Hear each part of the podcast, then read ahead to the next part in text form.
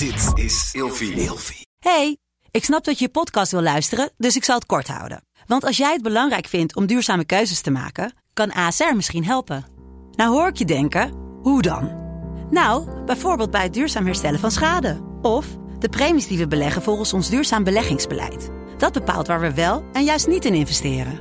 Wil je meer weten over welke duurzame keuzes ASR maakt? Ga dan naar asr.nl slash duurzame keuzes. ASR doet het. Zo, dan kan je nu lekker naar je podcast luisteren. Een huiszoeking, een arrestatie om zes uur s ochtends. Eh, dat is dan allemaal de schuld van justitie. En dan kan ik ook mijn mond niet houden en dan zeg ik het is de schuld niet van justitie. Je snapt zelf dat je voor een leven kiest waar je dan ook je partner en je kinderen mee intrekt. Want dit is, die mensen doen gewoon hun werk. Ehm, iets anders is dat ik natuurlijk soms achteraf, omdat ik dan een andere realiteit heb of weet, bijvoorbeeld uit de stukken of wat dan ook, ehm, dat de manier waarop ingevallen is ehm, dusdanig traumatiserend is en dusdanig buitensporig is geweest, dat ik soms wel denk van Jezus Christus, moest dat echt zo?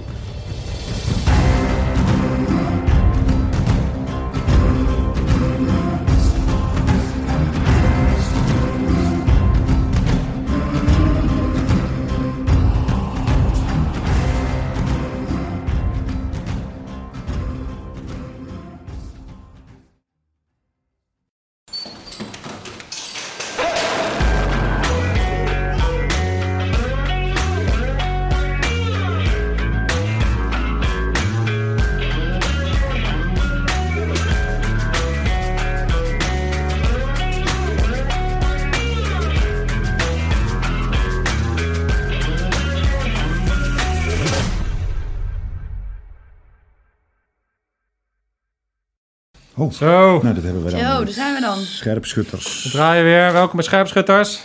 Ja, het Eh, mooiste mooi- gesprek is alweer gevoerd, maar het was een gesprek eh, wat we niet konden opnemen. Bij, bij de koffie. En dan Ja. zijn de mooiste gesprekken. Ook altijd, de echte dingen werden ook vroeger altijd al besloten in de longroom. Hè, als iedereen naar huis was en de, de generaals en de hoge officieren bleven hangen. De, de, de sigaren en de whiskies waren gedronken. Daar werden de echte beslissingen gemaakt. Dus, ehm, even kort jongens. eh, jullie weten allemaal dat we die eh, t-shirts hebben. Eh, dit zijn de laatste oplagers van, de- van, deze, eh, van deze soort. Dus eh, heb, je, heb je nog niet, moet je zeker zorgen dat je hem bestelt. Deze is voor onze gast, want die wilde hem heel graag hebben, alsjeblieft. Dankjewel, prachtig, mooie kleur ook. En je krijgt dadelijk een, eh, volgens mij is het een M, maar je krijgt straks een S- S'je van ons. Die zal vast mooier staan. Ze vallen klein. Hey, Nou, de toon is de toon is weer gezet. Heel veel zin in vandaag. Eh, we hebben een hele toffe gast, zoals altijd, elke, elke week. Maar eh, deze vind ik ook heel gaaf, omdat we nu eigenlijk ook een keer een wereld eh, gaan verkennen die we nog niet hebben belicht. We hebben heel veel onderdelen al gehad, eh defensieonderdelen, politieonderdelen en allerlei mensen uit de corporate, uit de topsport. Vandaag gaan we in de wereld duiken van wat er nou eigenlijk gebeurt nadat Jeroen een deur eruit heeft geblazen en iemand in de Belmar heeft opgepakt. Wat gebeurt er dan met zo'n kerel? Eh, en ehm, ja, wie anders eh, eh, eh, uit kunnen nodigen dan Marielle van Essen. Super, welkom. Ehm, de reden dat ik jou benaderd heb ook, dat is... ehm, kijk, als, als ik aan... En dan ben, ik denk misschien nog heel erg een stereotype. Als ik aan een dokter denk, denk ik ook van, vaak aan een man. En als ik aan een strafrecht eh, advocaat denk... dan komt bij mij natuurlijk meteen Gert-Jan Knoops, ook een oud-marinier. En eh, je hebt uh, Moscovic en je denkt aan statige gebouwen... en aan een bepaalde imago wat dat dan heeft... En ehm, niet alleen het feit dat jij vrouw bent, maar eh, ook vooral wat ik heel tof vind, is eh, de manier waarop je natuurlijk bij RTL Boulevard staat. Maar ook als je op jouw Instagram kijkt, bijvoorbeeld dat, jij gewoon met je scooter door Amsterdam cruist. En eh, ook naar een Amsterdam Dance Event gaat en interesse hebt in, in NLP. Ja, ik vind dat verfrissend. En dat vind Mhm. Ik ik blijk tof. een mens te zijn. Ja, je bent gewoon een mens. Niet normaal. Niet normaal, Advocaten hè? zijn dus ook gewoon mensen. Ja, Had ik niet gedacht. maar, maar dat vind ik, eh, vind ik te gek. Dus ik had zoiets, ik lijkt me heel tof om met jou in gesprek te gaan en, en met jou eh, even deze wereld te gaan verkennen. Dus tof dat je er bent. Ja, dankjewel. En daarom, hè, ik zei het net al even, heb ik even gewoon een normale trui aangetrokken. Even die hakken thuis gelaten. Niet in mijn kokerjurkje. Om even gewoon normaal te praten als Marielle. Ja. En advocaat. Ja, ja want advocaat ben je natuurlijk altijd uiteindelijk. Ja, 24-7. Yes. Ja, ik, ik, eh, toen, we, we zitten hier op de eerste verdieping. En eh, we hebben hier een brandtrap. Dus ik stuurde al een appje van... Ja, als je nou uh, hebt, dan moet je maar even een belletje geven. Dan doe ik gewoon de voordeur open. Toen kreeg ik alweer terug van... Oh, wat een uh, vooroordelen weer allemaal. Dus gewoon op ja, je ik heb gewoon sneakers. mijn sneakers aan, mijn Nikes aan. En ja, nee, ik ben nu even in mijn... Als mezelf. Dat doe ik bewust ook, omdat... als ik hier helemaal in mijn pakje zou komen, dan ga ik toch weer een rol in. Ik weet niet of je dat zelf vroeger hebt gehad, als je, of je voor de politie kleding hebt moeten dragen of defensie. Ja. Ehm, dus ik dacht, nee, dat doe ik bewust dan niet. Dan Nee. laat ik misschien iets meer van mezelf zien. Cool. Ja. Nou, tof. Ja, Ik ben heel benieuwd eh, wie jij eh, dan uiteindelijk bent. Dan ben ik zelf ook heel benieuwd. Ja. ik ben ook nog steeds naar- op zoek naar mezelf. Ja, dat houdt nooit op. Ja. Hey, want waar kom je vandaan? Beetje, kan, je, kan je kort ons meenemen van waar ben je, uit wat voor gezin kom jij en, en, en hoe kom je dan uiteindelijk eh, Ja. om rechten te gaan studeren? En dat soort Zeker. dingen? Nou ja, dan stuiten we al meteen op het eerste probleem dat mijn vak met zich meebrengt. Ik kan niet zo goed uitleggen waar ik vandaan kom om mijn eigen familie te beschermen. Ja. Eh, dat is een realiteit die voor mij eigenlijk al sinds ik strafrechtadvocaat ben, eh, ja, iedere dag doorcijpelt door mijn dag heen. Ehm, dus waar ik vandaan kom kan ik niet zeggen, maar ik kan wel zeggen dat ik uit een klein dorpje kom. Ehm, nog geen 2000 inwoners. Eh, ik kom uit een groot gezin eh, met voornamelijk mannen. En eh, veel neven ook. Ja, en eigenlijk gewoon wel een, leuke jeugd gehad. In de zin van ouders bij elkaar. Ehm, ik was heel erg close met mijn vader altijd. Ik keek altijd heel erg op naar mijn broers. Ehm, en ik was als kind, zowel mentaal als fysiek, best wel sterk. Een beetje een jongetje misschien. Ja, en ik besefte wel al vrij jong van... Jezus, als dit het leven is in zo'n dorp... en nou, de gesprekken vond ik allemaal een beetje saaierig... en je moet allemaal in zo'n keurslijf passen, hè, vooral er niet uitspringen. Eh, ja, dat is voor iemand als ik, die nogal expressief is, lastig. Ja. En nieuwsgierig en altijd op zoek naar ontwikkeling. Dus nou, ik wist eigenlijk al wel heel snel van hier ligt niet mijn toekomst. Dus ik ben hem gepeerd eigenlijk toen ik... Speelde daar 18, ook 19. eh, geloof? Bijvoorbeeld vaak een klein eh, dorpje is misschien dat daar nog... eh, kom je uit een gelovige achtergrond? Of? Ja, ik ben katholiek opgevoed. Ehm, maar ik vond het eigenlijk juist wel heel mooi. Ik was ook misdienaar. Dus ik heb uit vrije wil bijna... Nou ja, ik denk om de week of zo op zondag zat ik als misdienaar met zo'n gewaad... Toen al met zo'n gewaad aan en een Ja. koord om. Eh, en de klok te luiden. En eh, ja, dat vond ik eigenlijk wel leuk. En ik zat in het kerkkoor. En eh, we hebben ook een periode gehad dat we op vrijdagavond bij de pastoor... met een groepje mensen gingen praten over ja, levensvragen... Ehm, dus ik heb het geloof niet als een vervelende huls gevoeld of zo. Dat vond ik toen ik klein was eigenlijk juist heel mooi. En ik gebruikte het meer om na te denken over, ja, ja hoe sta je in het leven? Wat vind je belangrijk? Maar wat, dat was je heel jong eigenlijk al bezig met dat soort vragen. Dus, dus, ja, dat is eh, automatisch, hè? Want je, je, nou ja, mijn doop heb ik natuurlijk niet meegemaakt, want was ik te klein. Maar op een gegeven moment heb je de communie, daar wordt op school heel veel aandacht aan besteed. Je hebt het vormsel, daar wordt heel veel aandacht aan besteed. En ik heb het geloof nooit gezien als jij je gelooft in zo'n man met een baard, maar meer van, wat vind jij nou Zeg dat al twee mannen met een baard tegenover de zit. Ik heb het meer gezien als een soort van hulp bij hoe, wat jij belangrijk vindt in het leven. En dat heb ik dus altijd heel, als heel positief ervaren. En dat is dus niet de reden waarom ik het dorp ben uitgegaan. Nee, nee.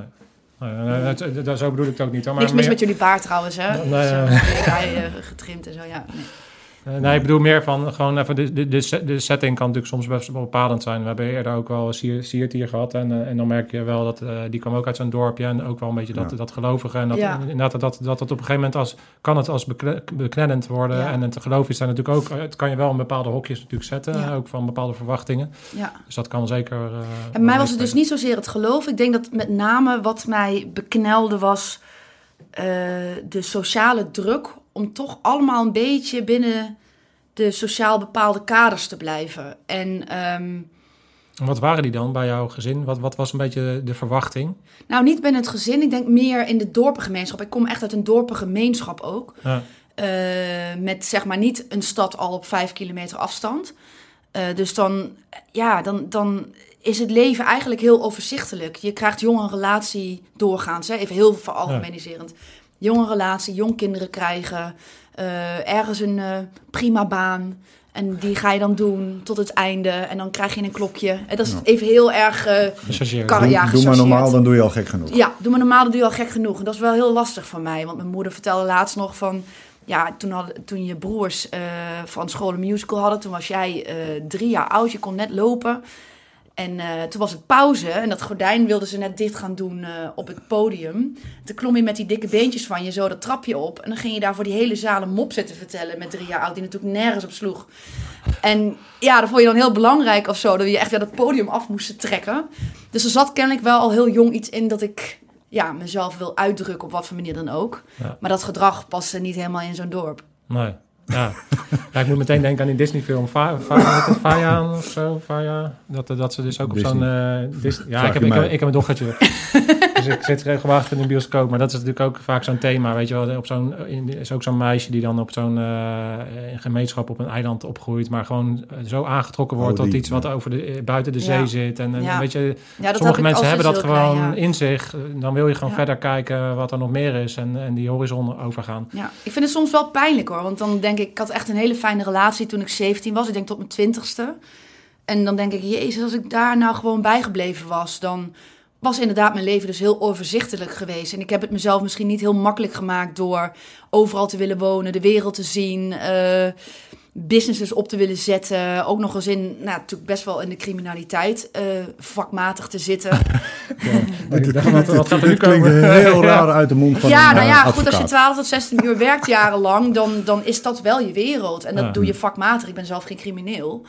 Ehm, maar je zit er wel constant in. En dat is een wereld die heel veel impact heeft op je dagelijks leven, op je ziel, op, op je fysiek, alles eigenlijk. Dus dat is wel een keuze van, ik denk, jezus, wat doe je, waar maak je het jezelf dan eigenlijk lastig? Maar dit, maar dit argument, dat, dat zeg ik ook regelmatig. Ik heb ook heel vaak dat ik, dat ik dan zeg van... "Jee, waarom, kan- waarom moet ik nou weer zo'n onderneming Ja. opzetten? Waarom had ik niet gewoon een koffiewinkeltje kunnen, Ja. kunnen beginnen, weet Ja. je? Waarom Dus- moet het dus- allemaal zo Ja. groot en meeslepend? Dus ambitieuze... eh, Ik ben ook heel erg onhandig, sorry. Nou, je praat expressief. probeer Nee. mijn armen ja, Maar ik denk, leggen. ambitieuze, ambitieuze, ambitieuze mensen zullen dat, zullen dat 100% eh, herkennen. En iedereen die ik ken die eh, echt iets eh, bereikt of bereikt heeft of wil bereiken, die voelt dat. Ja, Van waarom, waarom moet ik het altijd zo moeilijk maken Ja. en waarom wil ik altijd zoveel? En ja. ehm, ja, dat, dat is, zit dus blijkbaar gewoon vroeg in je. Ja, en ik denk dat er verschillende mensen zijn. Ik denk dat ik geboren ben met eh, misschien wel bijna een genetische behoefte om mezelf constant te ontwikkelen. Je hebt mensen die gewoon op een gegeven moment zeggen: Nou, wat ik nu heb neergezet is gewoon een fijn leven. En ik zie wel wat het verder brengt. En wanneer bij mij het lichtje uitgaat. Ehm, ik heb constant de neiging om, of de neiging, de behoefte om mezelf verder te ontwikkelen. Op alle fronten. Dus, en dat, ik kan me ook niet voorstellen dat dat ooit stopt. Ik kan ook niet nu genoegen nemen met het bedrijf dat er nu staat en denken, nou, ik haal er een prima inkomen uit, het loopt toch prima en eh, dat is het dan. Ik ben dan advocaat. En dan denk ik, jezus ja, ik bedoel, dat ben ik nu al best wel lang. Dat begint me eigenlijk al wel weer te vervelen. Ja, ja, wij worden daar heel blij van, want dat, omarmt Ja. letterlijk alles. Je hebt net een t-shirt gekregen, maar dat rammen met je kadaver is dan een term wat komt uit, uit, uit eh, Defensie. Hè? Maar waar, waar dat eigenlijk voor staat is exact wat jij net zegt. En dat is eh, een voorwaartse mindset. En dat is dat je altijd bezig bent met eh, hoe kan het beter, hoe kan ik beter, hoe kan ik verder groeien. Ja. Dus de groei is uiteindelijk hetgene waar je gewoon de meeste voldoening uit haalt. Ja. En dat, ik, ik werd ook wel eens door andere mensen die dat dus niet zo goed begrijpen, neergezet als iemand die negatief is, omdat ik nooit tevreden zou zijn. Ja, het is niet om te, ontevreden zijn, het is ja, de behoefte om te blijven ontwikkelen. En dat Ja. vind ik persoonlijk iets heel positiefs. En ik merk Ja. ook dat als ik met mensen omga die dat ook hebben, dat je als je met elkaar communiceert, of dat nou is in de zin van humor, lol maken of aan het brainstormen over allerlei dingen, dan gebeurt er wat met jezelf, ook met je hoofd. Je raakt geïnspireerd, je krijgt helemaal energie. En Ja. ja, dat vind ik dus heel gaaf. Ik probeer me zoveel mogelijk te omringen met mensen die dat ook hebben. Ja, ja dat, dat is denk ik een, een ingrediënt. Een van de basisingrediënten van succesvol worden is ook Ja. altijd je omringen met mensen die je die energie geven. Ja. En de B-players en de C-spelers gewoon eh, skippen. Ja, maar dat is toch wel lastig in mijn vak. Want dat advocaten gebeuren is natuurlijk... Bedoel, ik vind mezelf helemaal niet intrinsiek een advocaat. Ik heb gewoon maar gekozen waar ga ik mijn geld mee verdienen. En ik heb volgens mij... Het klinkt nu heel, heel oud, maar L.A. Law toen een keer gezien op tv. En toen dacht ik, zag zo'n vrouw met zo'n pakje lopen en hakken. dacht ik, oké, als ik nou die opleiding doe en dat pakje aantrek... Ja, dan kan ik dat ook gaan doen. Maar ik, ik, het is niet dat ik eh, vanaf jongs af aan advocaat wilde worden. En in dat wereldje van advocatuur... ehm, ik heb toch wel het idee dat ik daardoor mezelf weer enigszins in een keurslijf heb moeten gieten van... ehm, zo hoort een advocaat het te doen. Ik weet niet of jullie dat hebben meegekregen, maar toen ik een paar jaar geleden dit bedrijf opende... Ik heb hiervoor ook nog acht jaar een bedrijf met Richard Korver gehad... Ehm, maar toen ik het huidige kantoor opzette, toen hadden we een foto geplaatst op mijn website met al die dames, helemaal keurig in zo'n Ja. mantelpak. Ja. Ja, om dan neergezet te worden als escortbureau, ja, dat Oh, staat dan zo ver van mijn bed af. Dan denk ik echt, Maar vecht je daar ook een beetje bewust aan? Is het ook een beetje bewust dat je eh, op een scooter rondrijdt? En, en oh, is dat, ja, ik bedoel dat niet lullig, hè? Ik bedoel niet dat lullig. dat het opvallende was aan mij, dat ik op een scooter rondreed. Nee, maar ik, ik, ik probeer, ik probeer even, zeg maar, wat ik me wel kan, eh, wat ik probeer te benadrukken is, ik herken, zeg maar ook, omdat ik ook marinier ben geweest en Ja. dat eh, ik ook moeite soms had met dat keurslijf van Ja. dat, hè. Soms wilde ik ook gewoon mezelf zijn. Ja, En precies. is, is, is die manier van jou uiten, gewoon zoals je bent, met je sneakers en gewoon lekker naar een feestje gaan en gewoon jezelf zijn, ook een manier om, om, om, om een beetje ook dat soort van te knokken tegen dat keurslijf? Is, is dat Ja. ook echt iets bewust? Of? Ja, ik wil mezelf niet of niet meer zien als eh, die advocaat.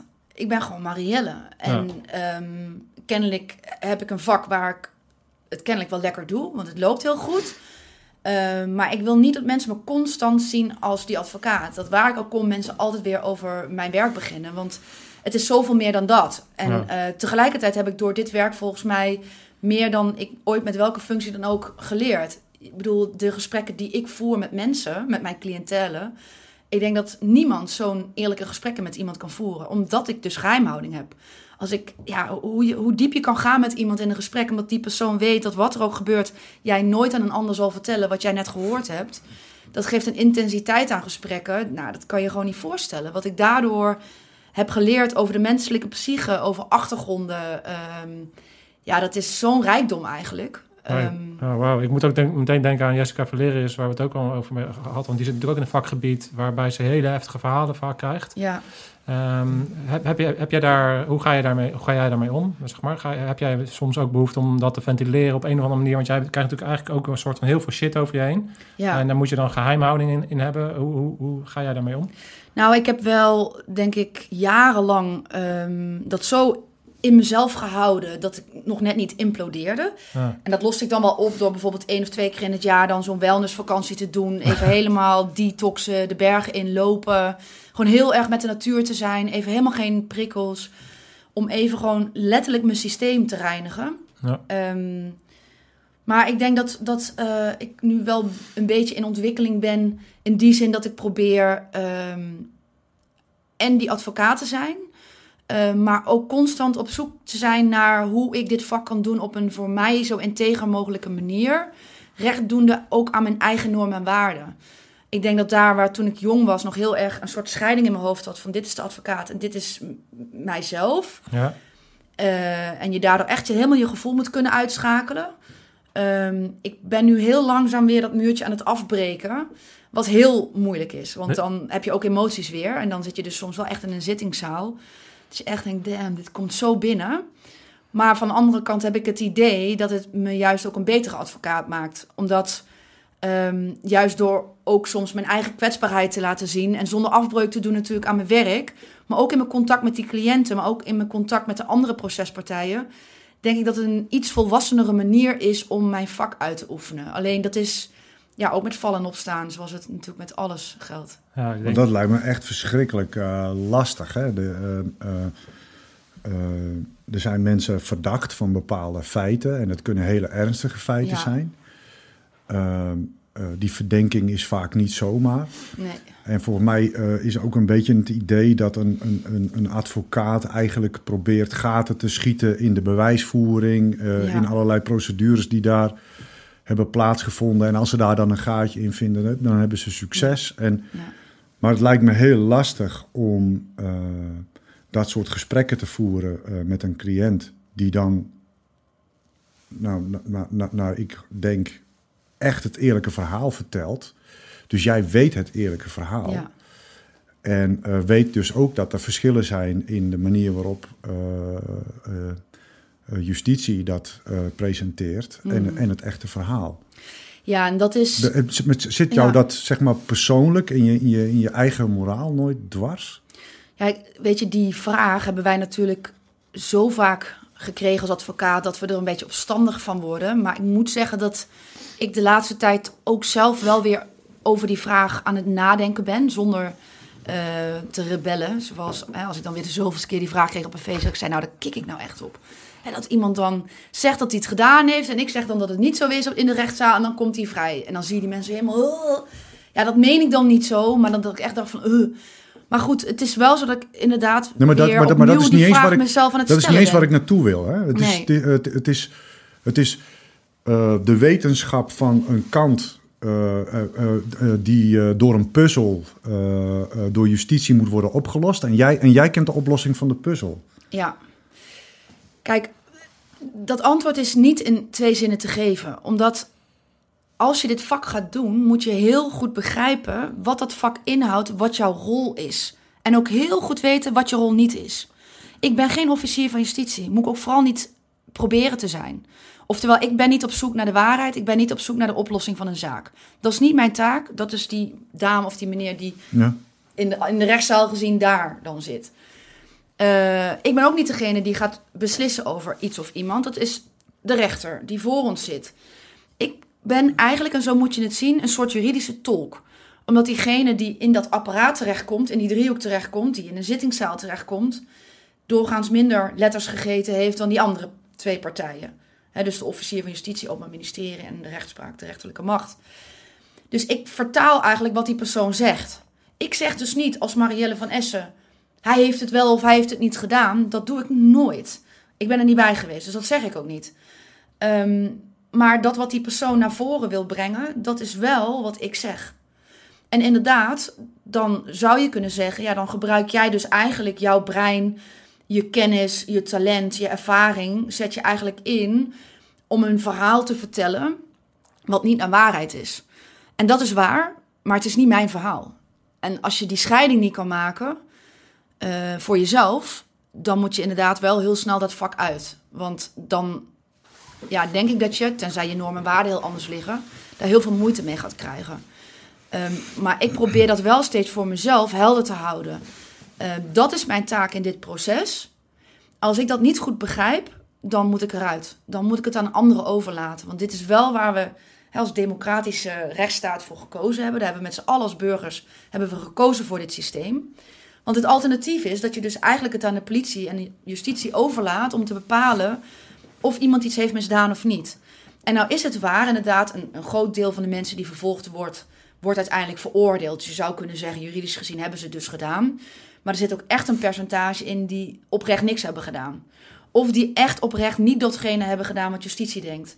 En voor die mensen vind ik het heel belangrijk dat die eh, dat eh, tegenwicht kunnen bieden aan dat apparaat, wat eigenlijk hen wel iets in de schoenen schuift. En ja, daar zal er af en toe iemand doorheen glippen die iets wel heeft gedaan. Maar ik geloof wel echt oprecht in dat systeem. Maar, terugkomend op jouw vraag, tuurlijk is het wel eens zo dat ik bij bepaalde cliëntelen ehm, vind dat zij tegen beter weten in met verhaal A willen komen in de rechtszaal. Wat gewoon helemaal tegen mijn gevoel ingaat als advocaat. Als mens kan ik nog wel uitzetten. Maar als advocaat, omdat ik weet dat het zo'n pertinente onzin is. Omdat het dossier nog net niet uit mijn handen valt. Zo zwaar is het aan bewijs. Dus dan vind ik dat wel heel lastig. Dus dan zeg, zeg ik het wel tegen een klant van... Ja, weet je, je zet jezelf wel echt gewoon verschut met zo'n verhaal. Het komt gewoon... Weet je, het, het slaat kant nog wal. Maar- Nou ja, dan mag iemand nog steeds zeggen... Ja, maar toch wil ik dat verhaal zo vertellen. Ja, oké. Maar ik ben vooral benieuwd naar, naar als het andersom is.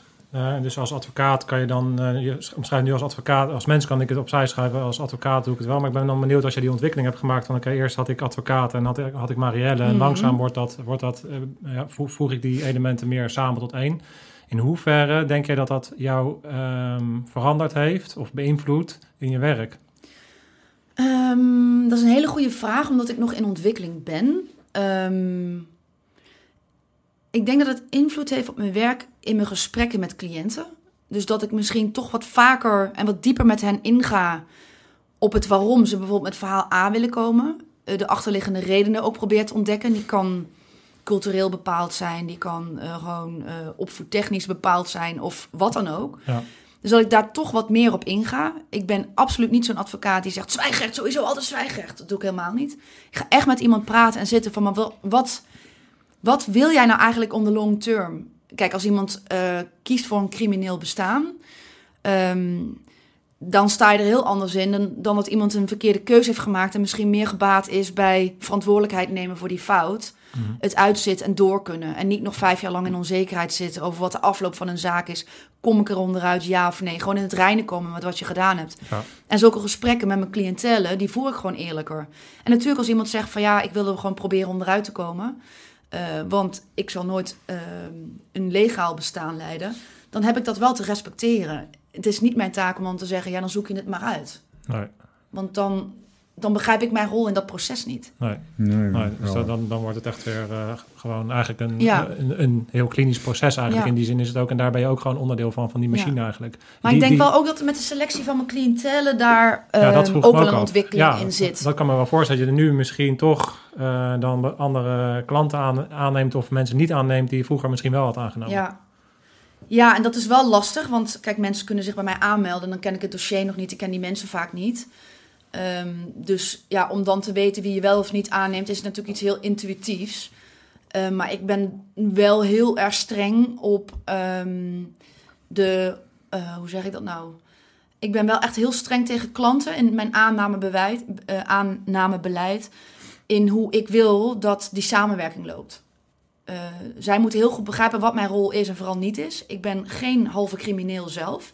Ik ga niet zitten lachen met mensen om wat ze gedaan hebben. Eh, want dat is ook hè, waarom, hoe ik voor mezelf mijn vak op een zo zuiver mogelijke manier wil uitvoeren. Zijn er, zijn er eh, eh, collega's die dat dan wel zo doen? Weet ik niet, want ik zit natuurlijk niet dag en nacht naast een collega te kijken hoe die het doen. Natuurlijk, ik denk dat in ieder, ieder beroep geldt dat je ja, die pappenheimers hebt waarvan je denkt, hmm, Mm. ik krijg niet een heel lekker gevoel bij. Mm. Eh, maar dat probeer ik voor mezelf wel heel zuiver te houden. Ehm, dus als ik merk dat klanten bijvoorbeeld heel erg commanderen over hoe ik het moet doen en dat ik een soort verlengstuk van hen ben, eh, ja, dat kap ik direct af. Ja. Dan ben je bij mij echt aan het verkeerde adres. Ik eh, ga niet met jou een soort van halve boef worden. En, En dat ook- willen ze soms wel zien natuurlijk. Hè? Een advocaatstoer die nog een beetje half op het randje zit. ja. Nou, daar ben ik gewoon niet jammer dan. Ik doe gewoon goed mijn werk. En ehm, als dat niet is wat je wil, zeg ik ook gewoon tegen. Dus als jij die advocaat wil die wel die centjes onder de tafel aanneemt en die dan van alles voor jou gaat doen. En nog ergens even een tasje op gaat halen of whatever. Fine, ga daar vooral heen. Ik ben alleen niet zo'n advocaat. Nee. Maak, maak, eh, een wereld, joh. Ja, bizar. Ik, ik moest denken aan, als je dat vertelt, van dan kom- is het ook wel weer, komt het misschien van pas dat je uit een mannengezin komt en nou zelf ook wel een beetje goede mannelijke energie hebt.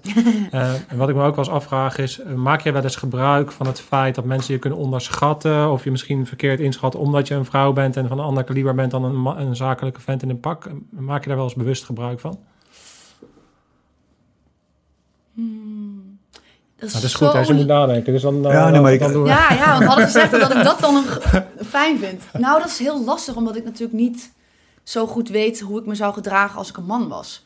Snap je? Ik heb nooit in een mannenlichaam gezeten. Nee, maar, nee, nee, maar dat snap ik. Maar, maar, je- maar je- dus je maak bent... ik gebruik van vrouwelijke kwaliteiten als ik bijvoorbeeld... Is het typisch vrouwelijk als ik zeg dat ik bijvoorbeeld heel erg kan letten op eh, non-verbale communicatie. Ja, heel ja, erg letten op ja. details. Maar dat kunnen natuurlijk legio mannen ook. Maar dat wordt vaak toegeschreven aan vrouwen, die kwaliteit. Maar ik, denk, ik denk waar ik aan Maar moet niet denken... dat ik moet flirten of zo. Nee, nee, dat- dat Want ik kan ik ook met een vrouw dan flirten als ik gewoon een leuk gesprek heb, lachen, gein. Ja, is dat dan flirten? Ja, Nee, zo- Nee. Ik denk niet dat ik het zo bedoel ook. Maar wat ik wel eh me besef is hoe belangrijk het eigenlijk is dat je als... Dat heb ik me voor dit gesprek eigenlijk nooit gerealiseerd. Want ik moest daar... Ik vond het opvallend dat jij aan NLP had gedaan. ja. Maar nu, ik- nu ik erover nadenk en ik jou zo in het gesprek hoor... denk ik van ja, maar het is ja, een heel groot onderdeel... Eigenlijk misschien het meest cruciale onderdeel van jouw vak... is connectie maken. En hoe beter jij in staat bent om connectie te maken met een cliënt... hoe beter de informatie is die je eruit haalt. ja. En in Ja, die zin kan je, goed. kan je wellicht een voordeel hebben eh, uit het feit dat jij eh, ja, toch, toch in de mannenwereld eh, met een andere, ja, met als vrouw ehm, die connectie kan maken. Misschien wel, maar als ik de vraag terug zou mogen stellen, praat jij als man makkelijker met een man of praat je met een vrouw makkelijker? Als het gaat over dingen die jij misschien niet helemaal netjes hebt gedaan, misschien zelfs iemands leven heeft gekost, praat jij dan makkelijker over met een mannelijke advocaat of met een vrouwelijke advocaat? Die vraag is ook niet zo makkelijk te beantwoorden, denk ik. Nee, Ja, nee, dat vind ik wel lastig. Dat vind ik ook lastig. En ligt dat eraan of je een vrouw hebt om het leven hebt gebracht of een man? Uite- Uiteindelijk denk ik dat het ligt aan. eh, uiteindelijk ligt het natuurlijk gewoon aan de persoon en niet of het een man of vrouw is. Hè. Dus uiteindelijk gaat het erom in hoe, hoeverre ben jij eh, in staat om connectie te maken. Wat Ja. ik heel, heel erg interessant vond, laatst ook, eh, volgens mij was het een van de klinische psychologen en die was gehandicapt. En door, door zijn handicap was hij, had hij zo erg bestudeerd. eh, zo lang bestudeerd hoe mensen dus zijn en, en non-verbale communicatie en, en, Ja. en dat soort zaken, dat hij extreem goed was om ehm, Mensen te lezen te- te eigenlijk. me- meteen te spiegelen. Dus Ja. als, jij, als jij op een bepaalde manier eh, binnenkomt met... eh, ja, ik heb er vandaag ge- eigenlijk geen zin in. Ik zit hier alleen maar omdat het moet. Ja. Dan, wat hij deed is, was meteen een soort van ook in die energie spiegelen. Ja. En dan... ja, ja, ik snap wel eh, helemaal waar je vandaan komt. Ehm, maar goed, je bent hier nu toch. En eh, misschien kunnen we er wel wat van Ja. maken. Weet Ja, je? ik denk dat ik dat onbewust misschien al doe sinds ik klein ben. Want ik, als er dan iemand uit zijn panty schoot op school of op het schoolplein, ik werd er meestal bijgehaald. Want A, ben ik niet echt bang, maar B, was ik fysiek ook wel sterk. Dus ik sprong er dan tussen, want dan kon ik wel iemand zo apart nemen. En gewoon zeggen van, yo, weet je, wat, wat, wat is er gaande? Praat met me. Ja. En ehm, ik weet niet, dat heb ik al sinds dat ik heel jong ben. En klanten zeggen wel eens van... Jezus, ja, dan schrikken ze. Dan zien ze me voor de eerste keer. En dan hebben ze binnen een half uur alles verteld. En, terwijl ik helemaal niet vraag om mij te vertellen wat, ze, wat er precies is gebeurd. Maar je bent dus eigenlijk van nature gewoon in staat om, om dat vertrouwen te creëren. Meteen vanaf het begin. Ja. Nou, ik denk dat ik van nature in staat ben om eh, best snel vertrouwen bij mensen te creëren. Dus ik vraag als advocaat eigenlijk nooit, in tegenstelling tot een hoop vakcollega's, eh, van je moet me alles vertellen wat er is gebeurd. Ik zeg altijd meteen, joh, je kent mij niet, ik ken jou niet. Ik kan me voorstellen dat je je diepste geheimen niet aan mij vertelt. Dat is jouw keus. Als je het wel doet, kan ik wel een betere advies geven. Als je het niet doet, kan het advies verkeerd zijn, maar dat laat ik verder bij jou. Oké, dat laten ze dan even bezinken en dan ga je in gesprek met elkaar. Maar dan hoor ik klanten wel eens zeggen die ik nog maar net ken van... eh, Jezus, ik heb gewoon eh, binnen een half uur mijn hele leven aan je verteld. Dat heb ik nog nooit aan iemand verteld. Ehm, en dan denk ik, ja, wat maakt het dan dat ze dat bij mij wel doen en bij anderen niet? Ehm, ik denk niet dat dat per se is omdat ik een vrouw ben. Ehm, ik denk dat ik eh, opgevoed ben, en het zit ook een beetje in mijn genen, om heel erg onbevooroordeeld met een mens te zitten. Ik probeer, hoewel ik dat heel lastig vind natuurlijk, ik ben ook gewoon maar een mens. Maar ik probeer eigenlijk iemand te zien als een ziel in een lichaam. En gewoon connectie te maken. Ik probeer daar niet een oordeel aan te hechten. En niet te denken, ja, want deze heeft... Nee, ik probeer gewoon daar te zitten, me te ontspannen. En me eigenlijk helemaal open te stellen voor wat die ander te vertellen heeft. Ja, nou, maar daar, is- daar, dat, dat, dat, kijk, het feit dat je op jonge leeftijd bezig gaat al met de grote levensvragen en dat, je- hoe je het geloof hebt gebruikt en waar je vandaan Ja. komt, dat je eigenlijk al heel jong zelf bewust was Mhm. om bepaalde stappen te gaan nemen en, en daar dus al mee bezig bent. En, en ja, dat, dat is wat mij betreft eh, een heel groot onderdeel dan van ook van je succes. Naast natuurlijk waarschijnlijk eh, alle Jezus hard kunnen werken en door kunnen eh, rammen met je kadaver. maar, maar, dat, maar dat connectie maken is dus gewoon, ja. dat is gewoon key. En dat is niks softs aan. Ik bedoel, het is helemaal niet samen gaan zitten huilen, absoluut niet. Het is jezelf echt openstellen voor wat iemand zegt. En proberen te luisteren, ook between the lines. Wat iemand nou zegt tegen je. En natuurlijk is het wel zo, ik heb... eh, en dat, dat is ook iets wat ik de laatste tijd probeer wat eh, bewuster van te zijn. Er zijn inderdaad mensen bij wie je dus helemaal binnen een uur qua energie totaal leegloopt. Ja. Ehm, ik had laatst een collega meegenomen. als hij klaar is. eh. Back. Dat zegt mijn familie ook altijd als ik thuis ben geweest. Back af is iedereen. Nee, maar dat is natuurlijk wel weer zo. Dat, dat door mijzelf zo open te stellen... ik wel qua energie helemaal leeg kan lopen bij iemand. Ehm, Ja. Want dan, dat staat dan zo van mijn bed af, ver, weg van mijn bed af... dat wat iemand vertelt. Of ik zie daar zo'n heftige stoornis in, in, in het denkpatroon... dat ik echt denk, jezus... Dit is niet zomaar met een paar behandelingen eh, klaar, zeg maar. Ja, dat is natuurlijk ook een andere keerzijde. Dat je ook dingen te zien krijgt, dat je echt denkt, wow. Want als je dat traject ingaat en je gaat met zo iemand, of je nou iemand vrijspreekt of iemand uiteindelijk eh, de bak ingaat of hoe dat dan ook loopt, je gaat natuurlijk een heel heftig, eh, tenminste soms hè, als de doorgewinterde criminelen zijn, is misschien minder heftig, maar stel je gaat met iemand zo'n traject door, dan je bouwt natuurlijk een gigantisch band op. Ja, Hoe ga je daarmee om met het en hoe hou je een soort van een gepaste afstand? Hoe, hoe, hoe doe je ja dat? dat is lastig. Ik ken sommige klanten al sinds ik 25 ben. En ik, ken, ik heb hen, hun kinderen zien opgroeien, van baby tot dat ze nu 18 zijn. En eh, ja, dat is, dat is natuurlijk heel gek als iemand dan zegt... hey meid, hoe is het aan de telefoon? Ja, en je weet van misschien wordt dat wel afgeluisterd. Dan kan ik me zo voorstellen dat degene die in zo'n tapkamer zitten denken... Jezus, wat is dat voor een uh, kleffe bedoeling?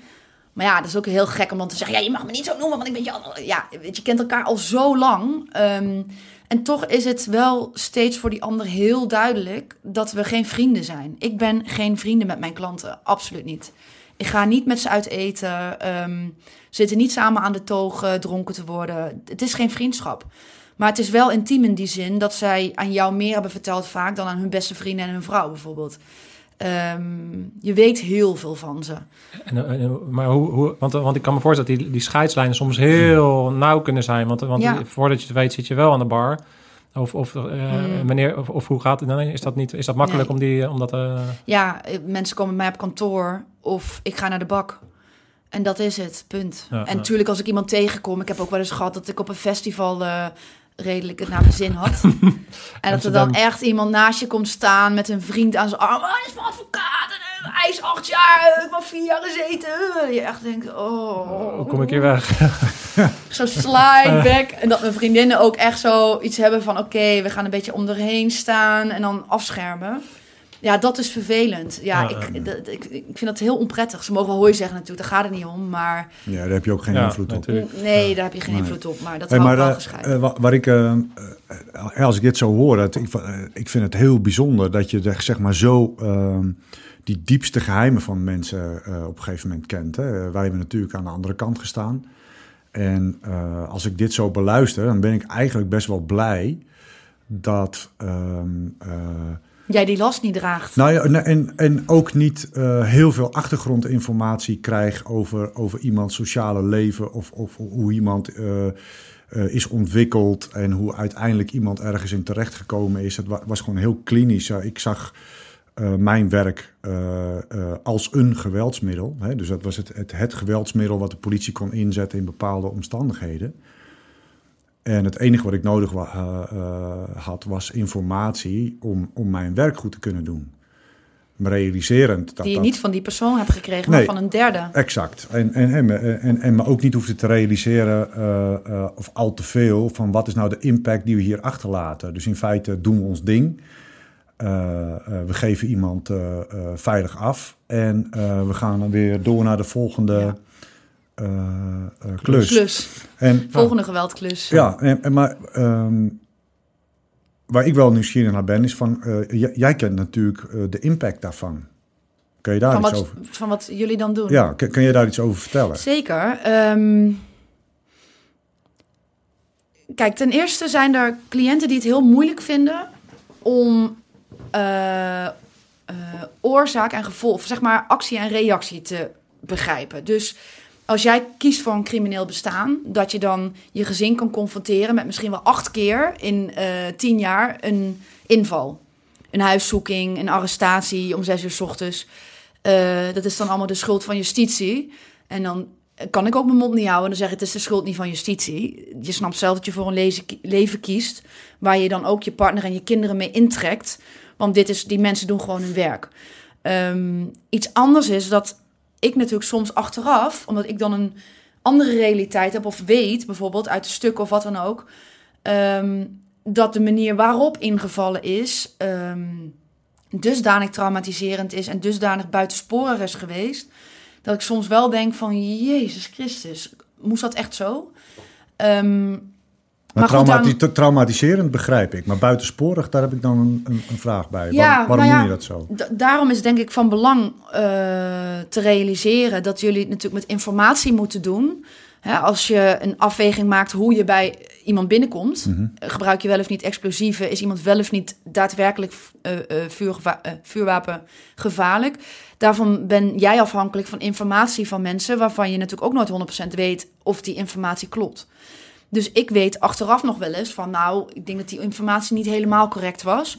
Hoewel ik natuurlijk dan begrijp dat jullie als team dat wel doen. Want je hebt wel met je eigen uh, leven te maken, met je eigen veiligheid. Dus ik, dat snap ik. Maar de informatie die jullie is gegeven om, uh, en waarop, op basis waarvan die keuzes zijn gemaakt, om bijvoorbeeld echt een deur in te blazen.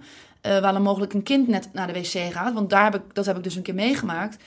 Ehm, terwijl je weet dat zo iemand eigenlijk nooit daadwerkelijk vuurwapengevaarlijk is geweest. Er is ook helemaal niks in huis gevonden. Ehm, Maar- dat maar- vind ik wel maar- lastig. Maar daar ga je dan, daar ga je dan fout. Hè? Want het feit dat, dat je überhaupt toestemming gaat krijgen om überhaupt met explosieven naar binnen te gaan, Mm. dan is er aan de voorkant natuurlijk dus, dusdanige informatie ja. dat er op een gegeven moment natuurlijk eh waarde ge- ge- gehecht wordt aan bepaalde informatie. En Ja. die informatie op dat moment dat ze dus besloten hebben om explosieven te gebruiken, Hmm. zal 100% zeker zijn geweest dat ehm, de kans aannemelijk is geweest dat, dat, het, dat die vuurwapen gevaarlijk was. Anders hadden ze nooit op die manier naar binnen gegaan. Nee. Dus, Nou, dus nee. dat dat achteraf dan blijkt dat dat niet zo is of dat er bepaalde feiten overdreven zijn, dat is dan achteraf. En achteraf is lekker wonen en achteraf... eh, Tuurlijk, en daar ben ik me helemaal mee eens natuurlijk. En tuurlijk, als, als uiteindelijk niet een wapen wordt gevonden, is, dat maakt niet dat de keus aan de voorkant niet correct was. Maar soms, als ik zie wat de informatie was, op basis waarvan die keuzes zijn gemaakt, deel ik de mening niet. En ik zeg niet dat dat, ik bedoel, 9 van de 10 keer deel ik de mening wel. ja. Of de- deel ik de beslissingen wel, maar 1 op de 10 keer niet. En dan kan de impact echt enorm zijn. Ja. Ehm, neem niet weg dat eh, ik daar inderdaad makkelijk achteraf over kan oordelen. Maar ik sta daar niet met gevaar voor mijn leven aan die voordeur. Dus ik snap ook dat in dat geval er mensen tussen, of situaties tussendoor kunnen glippen. Ja. Dus Ja, ik snap eh, jullie positie wel. En, en wat ik. er eh, jij benoemt het van dat we keuzes maken om ons eigen leven te beschermen. Maar dat is niet waar. Wij maken keuzes juist om te voorkomen dat het aan de andere kant van de deur meer uit de hand gaat lopen dan we willen. Oké, dat perspectief heb ik echt nog nooit gerealiseerd. Dus ehm, eh, de keuzes worden gemaakt. Kijk, eh, eh, wat belangrijk is, is dat je als een duveltje uit het doosje eh, eh, Binnen iem- staat, binnen ja. staat en iemand hebt aangehouden.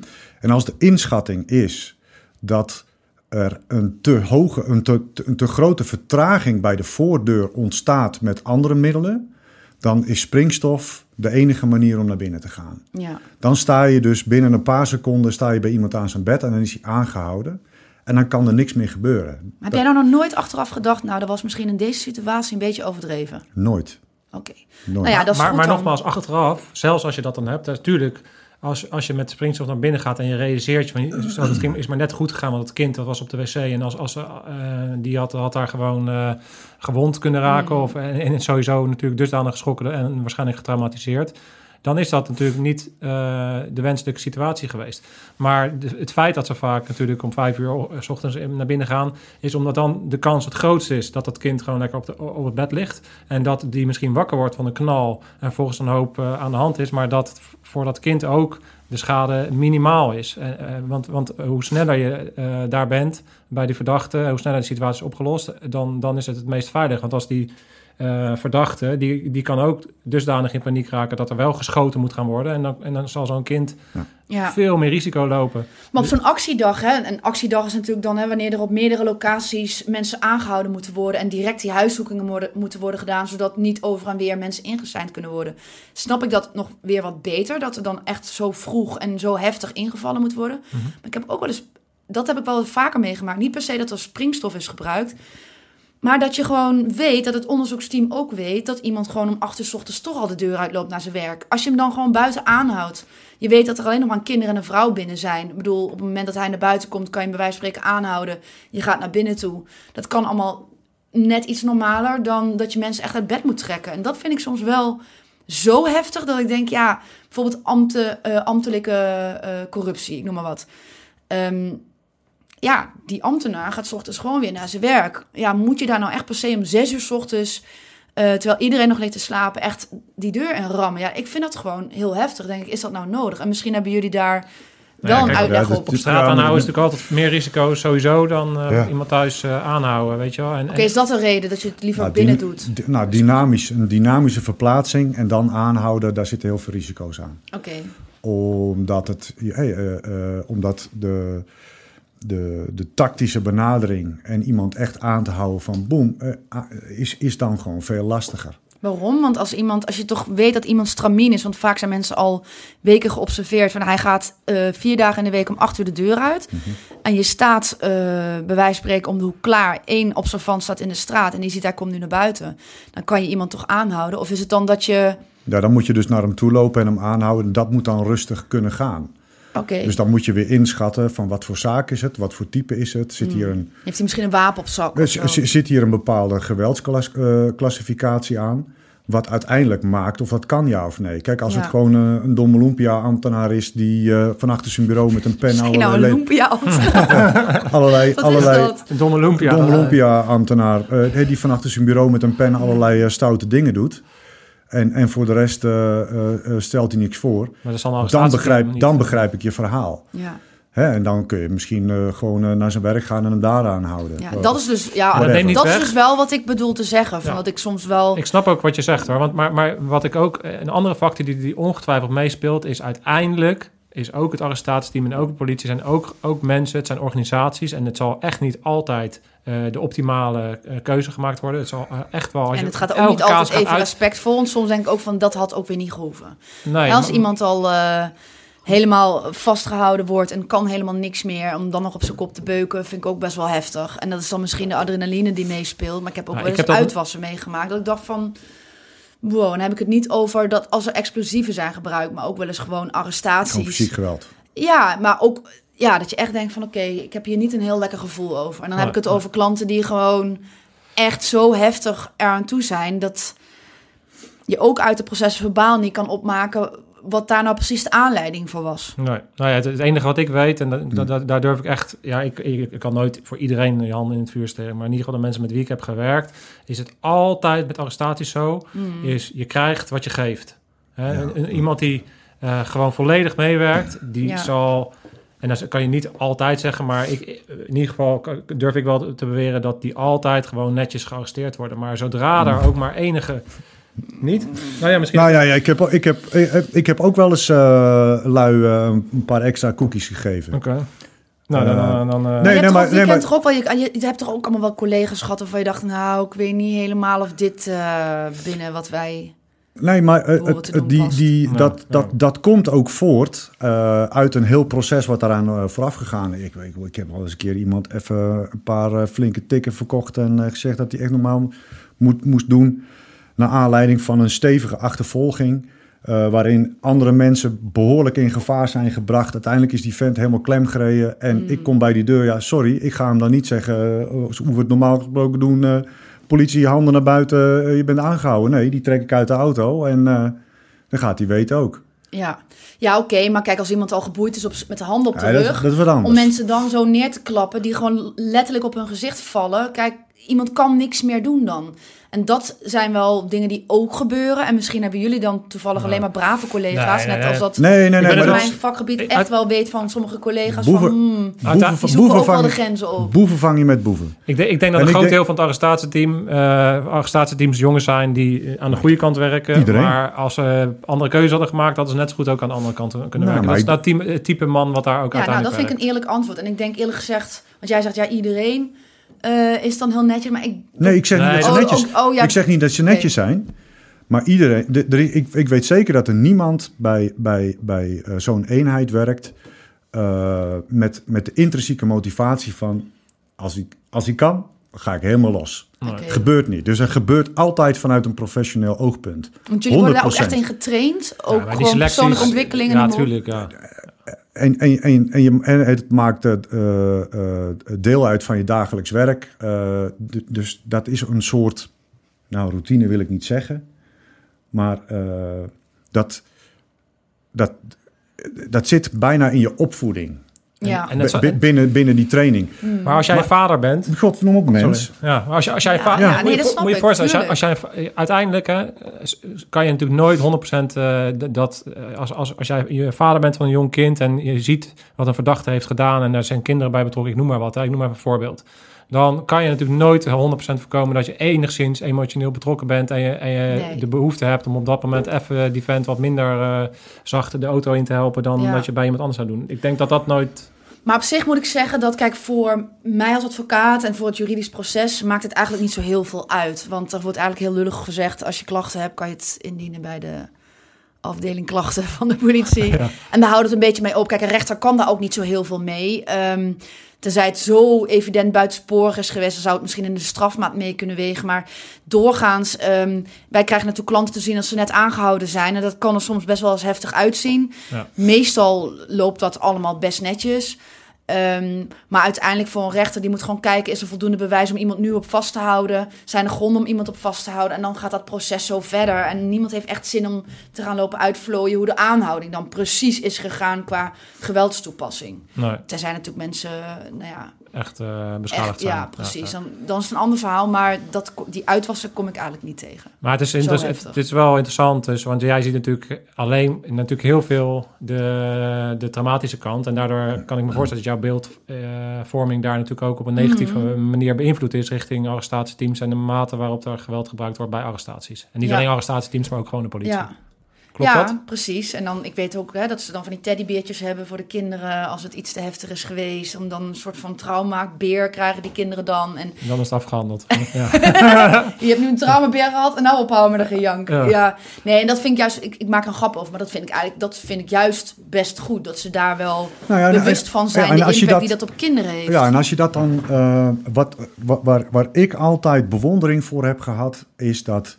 Eh, dat ik, heb, ik, ik heb zo vaak gezien dat we een, een, best wel een pittige instap moeten doen. Ja. En met springstof. En, en dat de kinderen aanwezig zijn. En ja, dan wordt er altijd gecontroleerd met een radar om te kijken of er beweging is, zodat het, zeg maar, het afzetten van de springstof veilig kan. Ja, Dat, dat, dat is bijna 100%.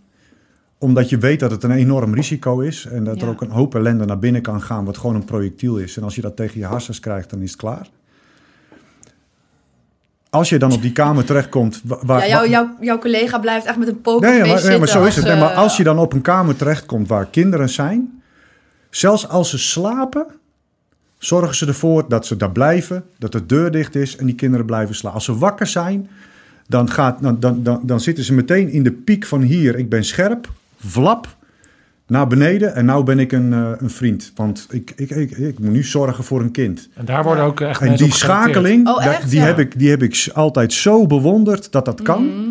En, en, en de club die bovenop uh, op de verdachte liggen, die zijn super scherp en strak en, en, en, en directief. En, en Ik denk dat die ja, schakeling dat vind ik heel fantastisch. mooi dat jullie dat kunnen, want dat is is de belangrijkste ja, heel schakeling. belangrijk. Het is, de impact is natuurlijk wel enorm van wat daar gebeurt. En terecht, want nogmaals, het gaat wel om de veiligheid van, nou laat ik dan zeggen, iedereen. Ehm, en dat snap ik ook wel. Ehm, ik denk gewoon dat, dat ehm, wat ik helemaal aan het begin zei... Sorry, ik heb weer tele- Ja, van. Wat ik al aan het begin zei... het is actie-reactie. Dus ik denk dat, dat klanten van mij niet altijd beseffen van... jij kiest voor een bepaald leven. Sterker nog, ik, ik- wat ik heel erg zie is mensen die in het criminele eh, circuit raken. Want ik kom, kom ik ook weer even terug bijvoorbeeld op iemand van een arrestatieteam. Ja, Ja, qua persoonlijkheid, qua, qua mannelijke energie, qua fysiek, qua manier waarop je denkt, eh, kan zo iemand een uitstekende crimineel zijn. De reden vaak denk ik dat mensen aan de goede kant, ik noem het even, de goede kant zitten. ja kan dus- je ook nog over filosofie. ja, ja maar dat, ik denk dat het uiteindelijk wel te maken heeft met of je op een bepaald moment in staat bent om eigen verantwoordelijkheid te nemen voor wie jij bent en wat jij wil bereiken in het leven. En dat lui die de slechte kant op gaan uiteindelijk altijd kan terugleiden naar externaliseren. Dus die gaan altijd de buitenwereld de schuld Ja. geven van alles wat, Ja. er, wat er met hen gebeurt. Ze zijn ergens boos over. belangrijk woord, externaliseren inderdaad. Dat is zo typisch voor een heleboel van mijn cliëntelen. En het is ook bijna niet aan ze uit te leggen eh, dat ze dat doen. Wat Nee. dat fenomeen is, externaliseren. Ik heb wel vaker die discussies. En dat, dat bedoel ik ook te zeggen met... Ik, ik ben denk ik in dat opzicht niet een cliché of, of niet een doorsnee advocaat. Ik heb dat soort discussies echt wel met cliënten. Van, maar wat jij doet heeft toch bepaalde gevolgen? Dus je kan toch niet de hele wereld de schuld geven en de wereld slecht vinden... terwijl jij hier ergens verkeerde keuzes maakt en het dan gek vindt... dat er nare dingen op je pad komen, zoals een lange detentie, je kinderen niet meer zien... eh, dit, dat, partner weg. Ja, dat, is toch, dat, dat komt toch voort uit met name je eigen keuzes. Ja. Ja, maar ik heb zo'n leven, zo en zo leven gehad. Oké, ik heb heel veel mensen verloren in mijn leven aan de dood. Moet ik dan nu aan de drugs verslaafd zijn om dat te verdoven? Nee, dat is ook een keus. Je kunt keuzes maken, nog steeds, altijd. Je kan ook de keuze maken van ik heb het heel lang slecht gedaan. Ja, want ik ben nu op een leeftijd. Ik kan niet meer het goede. Dat is onzin. Je kan altijd het goede pad op. Ja. En dat, dat is wel iets waar ik met klanten wel gesprekken over probeer te hebben. Het is alleen heel lastig natuurlijk als iemand al zo lang in een bepaald leven zit. Ja. Is het ook lastig denk ik om er weer uit te stappen. Ze weten vaak ook gewoon niet beter. Nou ja, uiteindelijk, maar, maar ook, ook dat, ze weten niet beter. Kijk, eh, we hebben het eh, aan, de, aan de voorkant, eh, voordat dit gesprek begon, al even gehad over onze leeftijd en dat we dan zelf gaan reflecteren. ja, dat dat logisch is. Jullie dat- ogen toen ik zei, hoe oud zijn jullie eigenlijk? Maar uiteindelijk, uiteindelijk 25. 25 in mijn hart. In mijn hart. Levensgevaarlijk.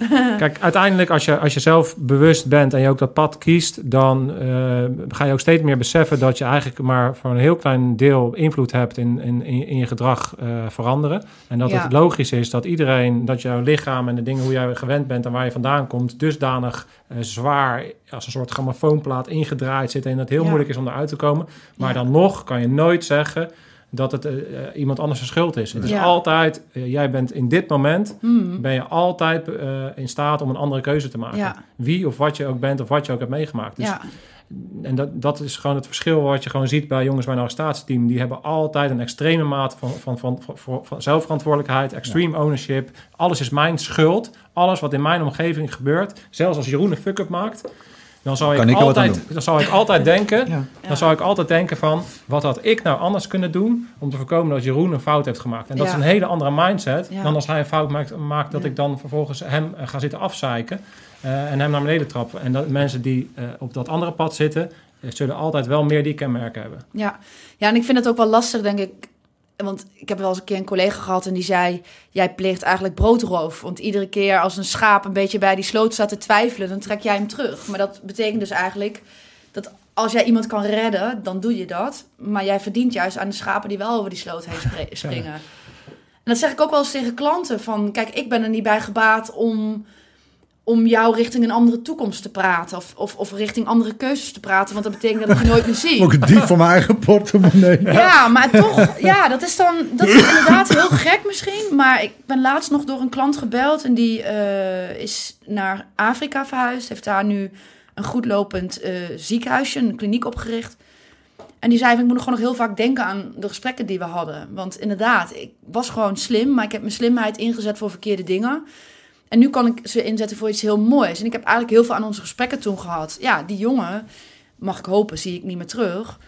Maar dat geeft me dan wel voldoening. En dat, dat is dan weer waar jouw advocaat en Ja. jouw Marielle uiteindelijk samenkomen. Eh, dat vind ik, eh, dat is een ultiem moment waarop jij uiteindelijk nu ook ervaart. Want dat geeft mij veel meer betekenis en veel meer Ja. eh, mezelf, eh Ja. mezelfwaarde, dan dat ik al Ja. alleen maar als advocaat ergens op zit. Klopt. En nogmaals, wat ik in het begin zei, de gesprekken zijn zo intens omdat ik een geheimhoudingsplicht heb. Ik, ik tref ze op een heel kwetsbaar moment. Hè, want je komt in een proces, je moet misschien wel acht jaar gaan zitten of langer. Of...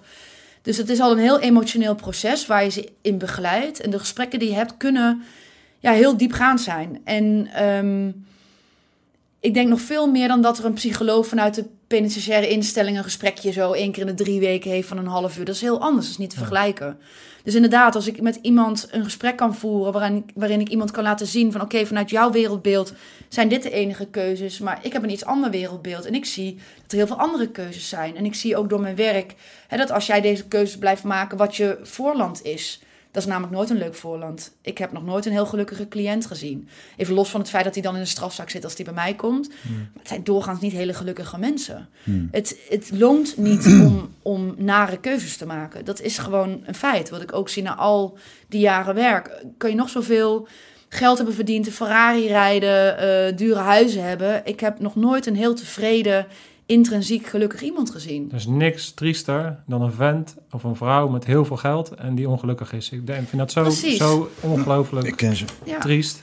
ja en, dat, en dan zeg ik ook vaak tegen die klanten van, dat is, daar is niks jaloersmakend aan. Nee. Nee. Ik, ik, het is nog één ding wat ik je eh, vol wil houden. Dat, is, dat heeft even niks, eh, dat is weer een bruggetje de andere kant op. Hè? Maar wat ik nou, even... nou weten we nooit waar we heen gaan. Nee. Ik ben ook heel benieuwd.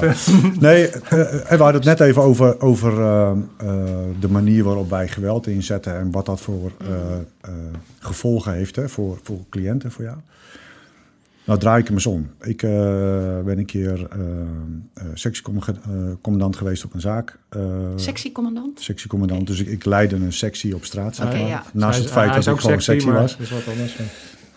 En ehm,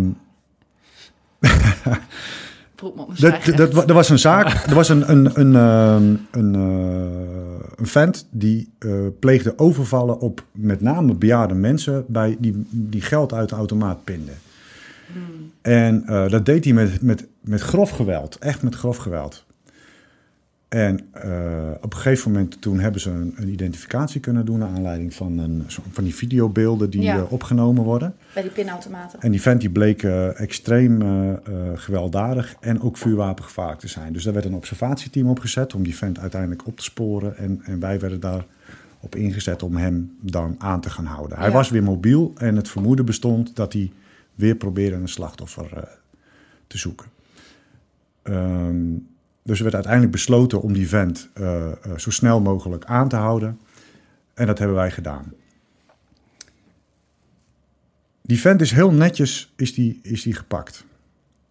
Gewoon keurig netjes aangehouden. Terwijl ik had de opdracht gegeven, wat er ook gebeurt. Maar die vent die weet dat hij door ons aangehouden wordt. In de evaluatie heb ik daar echt een punt van gemaakt.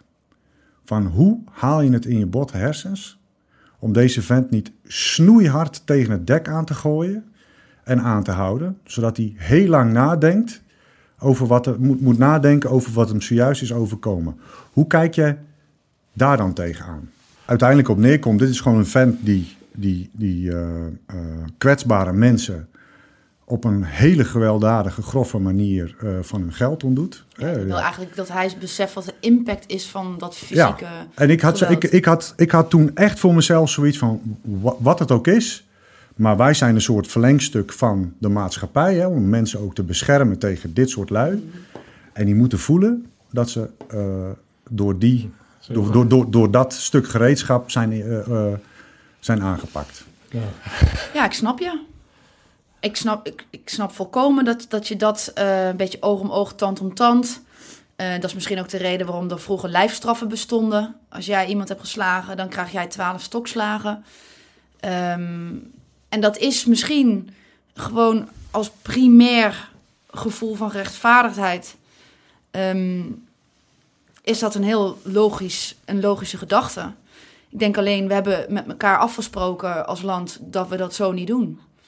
Dus ehm, de straffen bij ons zijn dat je dan gaat zitten. En de straffen bij ons zijn niet dat je dan geslagen wordt. Nee, maar niet geslagen.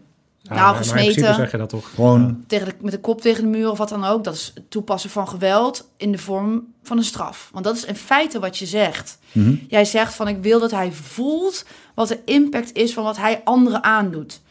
Ehm, en dat is bij ons in Nederland gewoon geen straf. Ja, dan kom je weer een beetje wat jij ook zegt, van je moet heel erg goed beseffen als advocaat wat mijn rol is in het systeem. En uiteindelijk Ja. denk ik ook dat het een rol van een arrestatieteam is niet eh, om op die stoel te gaan zitten. Ja. Uiteindelijk, ondanks dat ik ook jou snap hoor. Ik snap, Maar ik ik, snap heb je ook wel eens hoor. Ik, ik ben ook Kijk, heel eerlijk. Ik heb ook wel daarna eens moest ik klanten ook- hoor dat ik ik tegenover ze zit. Ja, daar moest ik- Nee, maar ja, ik, kijk, dat, dat snap ik volkomen. Eh, want we zijn mensen en dat voelt als de meest eh, gerechtvaardigde reactie op dat moment. Ik zit ook wel eens tegenover een klant die dan zit te praten en het kruipt me zo onder de, onder de huid dat ik gewoon fantasie heb dat ik op zijn neus beuk.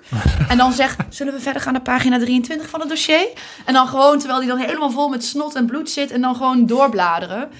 Omdat, eh, ja, dan kan je denken, wat, wat, wat een freak. Maar dat is omdat iets zo verschrikkelijk is en zo tegen alles ingaat wat ik, hoe ik vind dat je met andere mensen omgaat. Ehm, alleen ja, eh, als ik dat doe, dan handel ik buiten wat we met elkaar hebben afgesproken. En gaan we eigenlijk weer een beetje terug in de tijd.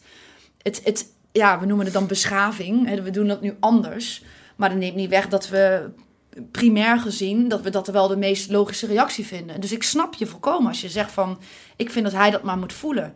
Maar dan zouden we als land eigenlijk met elkaar moeten afspreken een vorm van straffen, maar dat mag jij dan niet bepalen, maar nog steeds de rechter neem ik aan, want we zitten in een rechtsstaat. Een vorm van straffen is dan stokslagen. Maar als we dan met z'n allen horen over de sharia, begint iedereen te gillen. Nou, daar willen we niet naartoe. eh, eh, eh." Nee, oké, dat snap ik. We willen niet een islamitische staat worden. eh, we willen niet lijfstraffen. Maar in feite is dat wel wat je zegt. Jij bent geen rechter, maar jij vindt zelf eigenlijk dat je dus als medewerker van politie of defensie in feite eh, iemand dan lijfstraf mag geven. Nou ja, zo heb ik zo, zo, Ik, ik, eh, dat vinden we hij- allemaal heel primitief als, nee, maar als hij komt- mensen hij- van hij een komt islamitische achtergrond. Hij komt binnen, zo... zo, zo eh, Je zou kunnen denken, we hangen ze aan een koord aan het midden van het dorp. Dat deden we vroeger nog. Nee, maar zo, zo, zo, zo heb ik het zelf niet bekeken. Ehm, en, en, en wat ik eigenlijk bedoel is van... eh, eh, we moeten onze stempel als arrestatieteam drukken op zo'n, op zo'n, eh, op zo'n aanhouding. Maar wat denk je nou als iemand... Als ik, ik heb geen kinderen, maar Nee, als maar een kind had en iemand zat aan mijn kind... Ik zweer het je. in- Interesseert me niet wat we in de rechtsstaat hebben afgesproken. Ik beuk die persoon en desnoods ga ik ervoor zitten. Ja, sorry. Dat zou voor mij gewoon... Daarom, misschien ook maar goed dat ik geen kinderen heb. Als iemand aan mijn kinderen komt...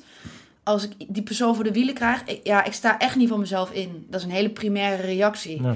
Alleen ja, daar ga ik wel voor gestraft worden. Want dat, ja, ik woon in Nederland, ik kies ervoor hier te wonen. We hebben elkaar afgesproken.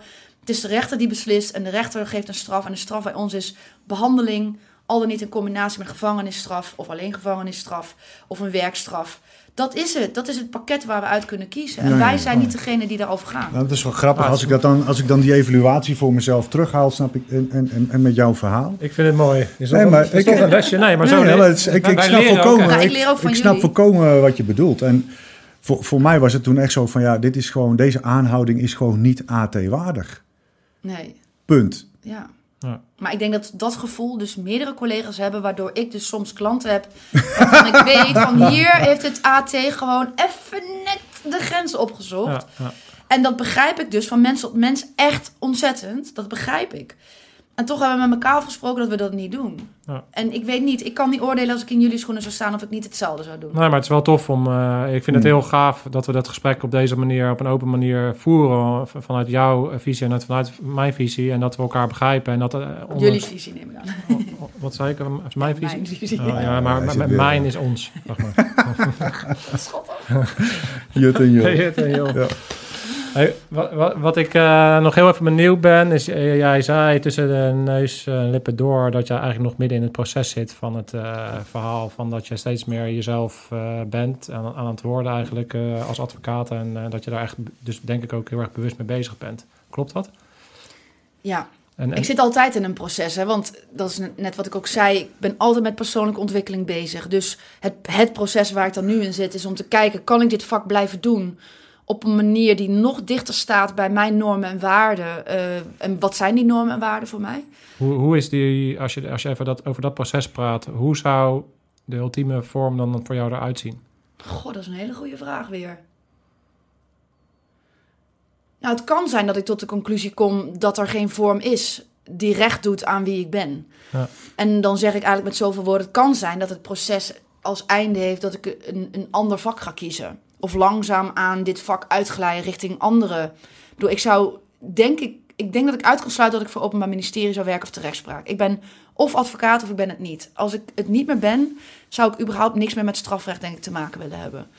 Ehm, ik zou wel wellicht met eh delinquenten in contact kunnen komen als ik meer een coach zou worden. Dat zou kunnen. Mhm. Eh, maar vooralsnog wil ik heel graag dit vak blijven doen.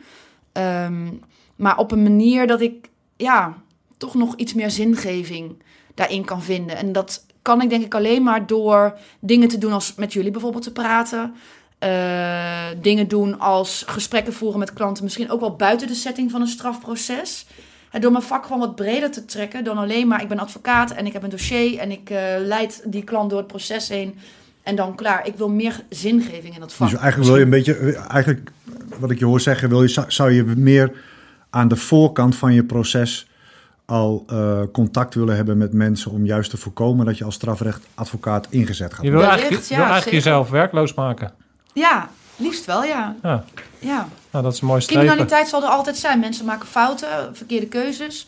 Ehm, maar het is niet dat ik er een kick uithaal dat mensen verkeerde keuzes maken. Ook al is dat wel mijn brood. Ja. Dan eet ik maar wat minder. Ook nooit verkeerd. Ja, en wat is dan verkeerd? En we hebben nog wel een tosti voor je zo. hoor. Ja, die was heel lekker trouwens net. Nee, te gek. We gaan zo eh, een beetje afsluiten. Heb jij, heb, we hebben aan het begin hebben we je gevraagd van wat is voor jou belangrijk in dit gesprek. Heb, jij heb jij het gevoel dat, die, eh, dat dit voor jou eh, goed was? Zou je heb je nog wat te zeggen? Weer een goede vraag. Ja, jij blijft maar goede goede vragen vragen. afvuren. Dat is ongelooflijk. Ja, hoor, dat kan niet, jongen, als geen ander. Mm, ja, ik heb nog een vraag terug eigenlijk. Ehm, hoe zien jullie eh, je eigen rol zeg maar in dat hele, eh, of, of ja, jullie voormalige rol dan, in dat hele proces. Hè? Want ook ik als advocaat zit dan in zo'n afgesproken proces van eh, jullie houden de mensen aan. En dan eh, gaan ze dan door zo'n strafproces en dan rolt er wel of niet een straf uit. Eh, misschien een beetje zweverig, maar hebben jullie niet het gevoel af en toe van, ja, uiteindelijk doen we dat allemaal wel, maar ja, mensen krijgen uiteindelijk toch op hun bord terug wat ze anderen aandoen? Of heb je het idee, ja, wij kunnen echt gewoon daar een verschil in maken? Nou ja, wij waren Ik denk natuurlijk... soms wel eens van, het is best wel een poppenkast. We Nou, hebben met elkaar een soort proces afgesproken. De rechtsstaat en weet ik veel wat. Maar goed, uiteindelijk wil ik, ben mijn rol ook zeker niet overschatten daarin. Want uiteindelijk lopen mensen wel weer, denk ik... Nee, dat ben ik wel met je eens. Kijk, uiteindelijk eh, eh, eh, zijn wij altijd reactief bezig. En ik denk dat er... we- hè, wij, wij hebben voor een, een tijd geleden een gesprek gehad met Marco den Dunne van Politie Rotterdam. Die eh, vanuit zijn eh, rol bij de politie eh, Heilige Boontjes is opgestart. Ja, Dat is een project waarin ex-delinquenten of jongeren die, delinqu- die, die het criminele circuit ingaan, een kans krijgen om werkervaring op te doen. Ja. en te leren hoe je daar communiceert, dat je op tijd moet komen, hele simpele dingen. Om ze uiteindelijk door te laten groeien naar gewoon werk. Dus die gaat echt aan de voorkant zitten van dat waar, wat zijn eigenlijke werk is. En wat ik heel denk, veel mensen als soft beschouwen. Hè? Ja. Want al, ja, dat pamperen van die criminelen, het is Nee. geen pamperen. Nee, Het is maar ik, ik denk dat daar juist heel veel eh, eh, winst te halen is. En eh, ik heb mijn vakgebied fantastisch gevonden. Echt waar. En ik zou willen dat dat voor altijd door blijft gaan. Aan de andere kant, in dit gesprek wordt ook duidelijk dat, dat we als maatschappij met elkaar op zoek moeten gaan naar eh, methodes waarin we veel meer aan de voorkant proberen te voorkomen Hmm. dat waar we nu de, eh, eh, de hele dag achteraan rennen. Ja, laten zien dat mensen keuzes hebben. Ja, En niet mensen verstoten. Ik ben eens een keer flink aangevallen omdat ik bij Boulevard iets zei over, over pedofielen die dan tijdens de Gay Pride aandacht wilden vragen. Ehm, mijn reactie was, ja, ik vind daar de Gay Pride dan niet het juiste moment voor. Maar we zullen wel in gesprek moeten met mensen, omdat je niet kan doen alsof het er niet is. Ik zeg niet dat ik het gedrag goedkeur, helemaal niet. En dat moet bestraft worden. Maar door mensen uit te sluiten, en daar staat bijvoorbeeld bij pedofielen gewoon vast. Door ze sociaal te isoleren, maak je het probleem alleen maar erger. Ze gaan nog meer, hebben ze de neiging om dat gedrag te vertonen. Ze voelen zich nog alleener, zoeken nog meer steun bij kinderen. Je zult eh, moeten kijken, je zult met elkaar in gesprek moeten om een weg te vinden. En dat geldt voor alle vormen van criminaliteit. Kunnen mensen alternatieven worden geboden? Ah, Door mensen uit te sluiten los je helemaal niks op. Je zal, hoe moeilijk dat ook is, inderdaad wat jij zegt, met elkaar moeten kijken van kan je alternatieven bieden? Kun je mensen helpen om nou ja, gedrag te vertonen dat anderen niet schaadt? ja. Ja. Daar Ja. Ben ik, dat, dat, Nou, dat, dat- dat, dat ben ik met je eens. En, eh, mij- dus in die zin, Voor mij is het. ehm, ik heb natuurlijk wel. Ik heb eh, binnen Defensie gewerkt en binnen. eh, als pelotonscommandant van de antiterreureenheid was ik eh, ook onder blauw, hè, dus onder justitie. En voor mij zit daar een beetje een tweedeling in. Onder, als je kijkt naar de politie of, of, eh, of die ta- taak eh, binnenlands. Dan ervaar ik dat een beetje hetzelfde als. ehm, ja, die taak is er net zoals een advocaat duidelijk is in dat rechtssysteem waar ik achter sta. En waar ik in geloof, ehm, denk dat je daar een onderdeel in bent. En zou dat dan, eh betekent dat dat, dat dan dat alles is? Nee, ik, als je het zou vergelijken met NLP of met, met de geneesheids, eh, of de geneeskunde bijvoorbeeld, dan denk ik dat er Mm. altijd dokters nodig zijn, omdat uiteindelijk altijd kwaden zullen zijn die gewoon opgelost moeten worden. Dat is dan de politie. Maar dat betekent niet dat we, dat denk ik dat als je kijkt gewoon naar maatschappelijk, dat je heel erg moet, moet, het breder moet trekken en dat je moet kijken van hoe kan je nou de maatschappij eigenlijk ook zien als een soort verlengstuk van, van wat we allemaal zijn. En hoe kan je daarin ehm, eh, een meer gezondere vorm gaan vinden die als mensheid eh, beter werkt. En daarin moeten we blijven evalueren. En ik heb het ook het gevoel dat de chaos die er nu gaande is in de hele wereld, dat dat ook een soort uiting is dat we weer zitten in een, in een soort eh, eh, evolutie, revolutietijdperk, waar wat we ons nu nog niet helemaal kunnen beseffen. Hetzelfde als de industriële revolutie eh, to- toen de Mm. tijd heel veel impact heeft gehad, zitten we nu in een soortzelfde soort revolutie die er gaat, toe gaat leiden uiteindelijk dat we naar een, een nieuwe soort soorten samenleven en economische structuren gaan die uiteindelijk beter gaan zijn dan wat we nu hebben. Maar Mm. dat mensen dat nu nog heel moeilijk vinden om dat te overzien. Dus dat is dan een soort van heel, die, heel, heel erg die brede kant, hè, die heel erg interessant is en waar, eh, hoe je ernaar moet kijken. En als defensie eh, zie, heb ik dat meer gevoeld als dat ik een verlengstuk was van ons belang als Nederland, waarin wij binnen de, binnen de wereld, zeg ik altijd, zitten we on the top of the world. Wij zijn een van de meest eh, ontwikkelde, beschaafde, waar we het vandaag ook over hebben gehad, landen. eh, waarin eh, vrouwen een bepaalde rechten hebben. En, en eh, die, ja, ja, maar dat zo, zo normaal is dat niet. Nee, zeker niet. Daar ben ik me ook echt wel we- bewust. Jij helemaal natuurlijk als je in Afghanistan... Als je in Afghanistan eh, zie, heb ik gewoon, weet je, dan, dan zie je geen meisjes eh, ouder dan 11 jaar, want dan worden ze gewoon uit. Ik heb, ik heb letterlijk bij een vent gestaan zonder tanden in zijn bek van een jaar of 70, 80, die dan eh, zijn buurvrouwtje, eh, zijn buurmeisje van 11 jaar gereld heeft. En dat Ja. wordt dan zijn vrouw en daar gaf hij wat opium voor. En, en die worden dan gewoon, eh, ja, die krijgen een doek over hun hoofd en die worden dan gewoon, eh, ja, als een soort stuk vee worden ze daar eh, ge- gebruikt. Dus als, als defensie heb ik me heel erg beseft dat ik een soort verlengstuk was van hetgeen wat wij belangrijk vinden. eh waar we aansluiten binnen de Amerikaanse modellen, zal ik maar zeggen. En daardoor, Mhm. dus wij ook vaak, daardoor zaten wij ook in Afghanistan, omdat we een verlengstuk zijn van, van dat wereldwijde systeem. Ehm, en daar moet je achter kunnen staan. En, en eh, wij hebben dat allebei ervaren dat in, in dat wereldniveau heb ik wel op een gegeven moment gevoeld van, maar ja, ik weet niet of ik hier mijn hele leven aan wil wijden, omdat ik denk dat ik, maar mijn impact daar heel klein is. Ja. En een van de redenen dat wij nu hier zitten is omdat we nu een soort van wel voelen van ja, eh, met die dingen die we hebben gedaan kunnen we misschien nu op dit vlak, eh, dan heb je het meer aan de soft side, kunnen we misschien wel meer bereiken dan we ooit met onze wapens hebben kunnen bereiken in Afghanistan. Ja. Dus in die zin eh, gaan we daar wel heel bewust. Dus eh, in, ook proberen om aan de voorkant... eh, Ja, ja en ik denk dat in jouw, situ- jouw situatie is nog anders. Want je gaat naar een totaal andere land met een totaal ander wereldbeeld, geloof, cultuur. Daar kom je met een ja, Amerikaans model binnen. Dat, is, ja, dat kan je ook die mensen niet zomaar opdringen. Die hebben hun eigen ontwikkeling.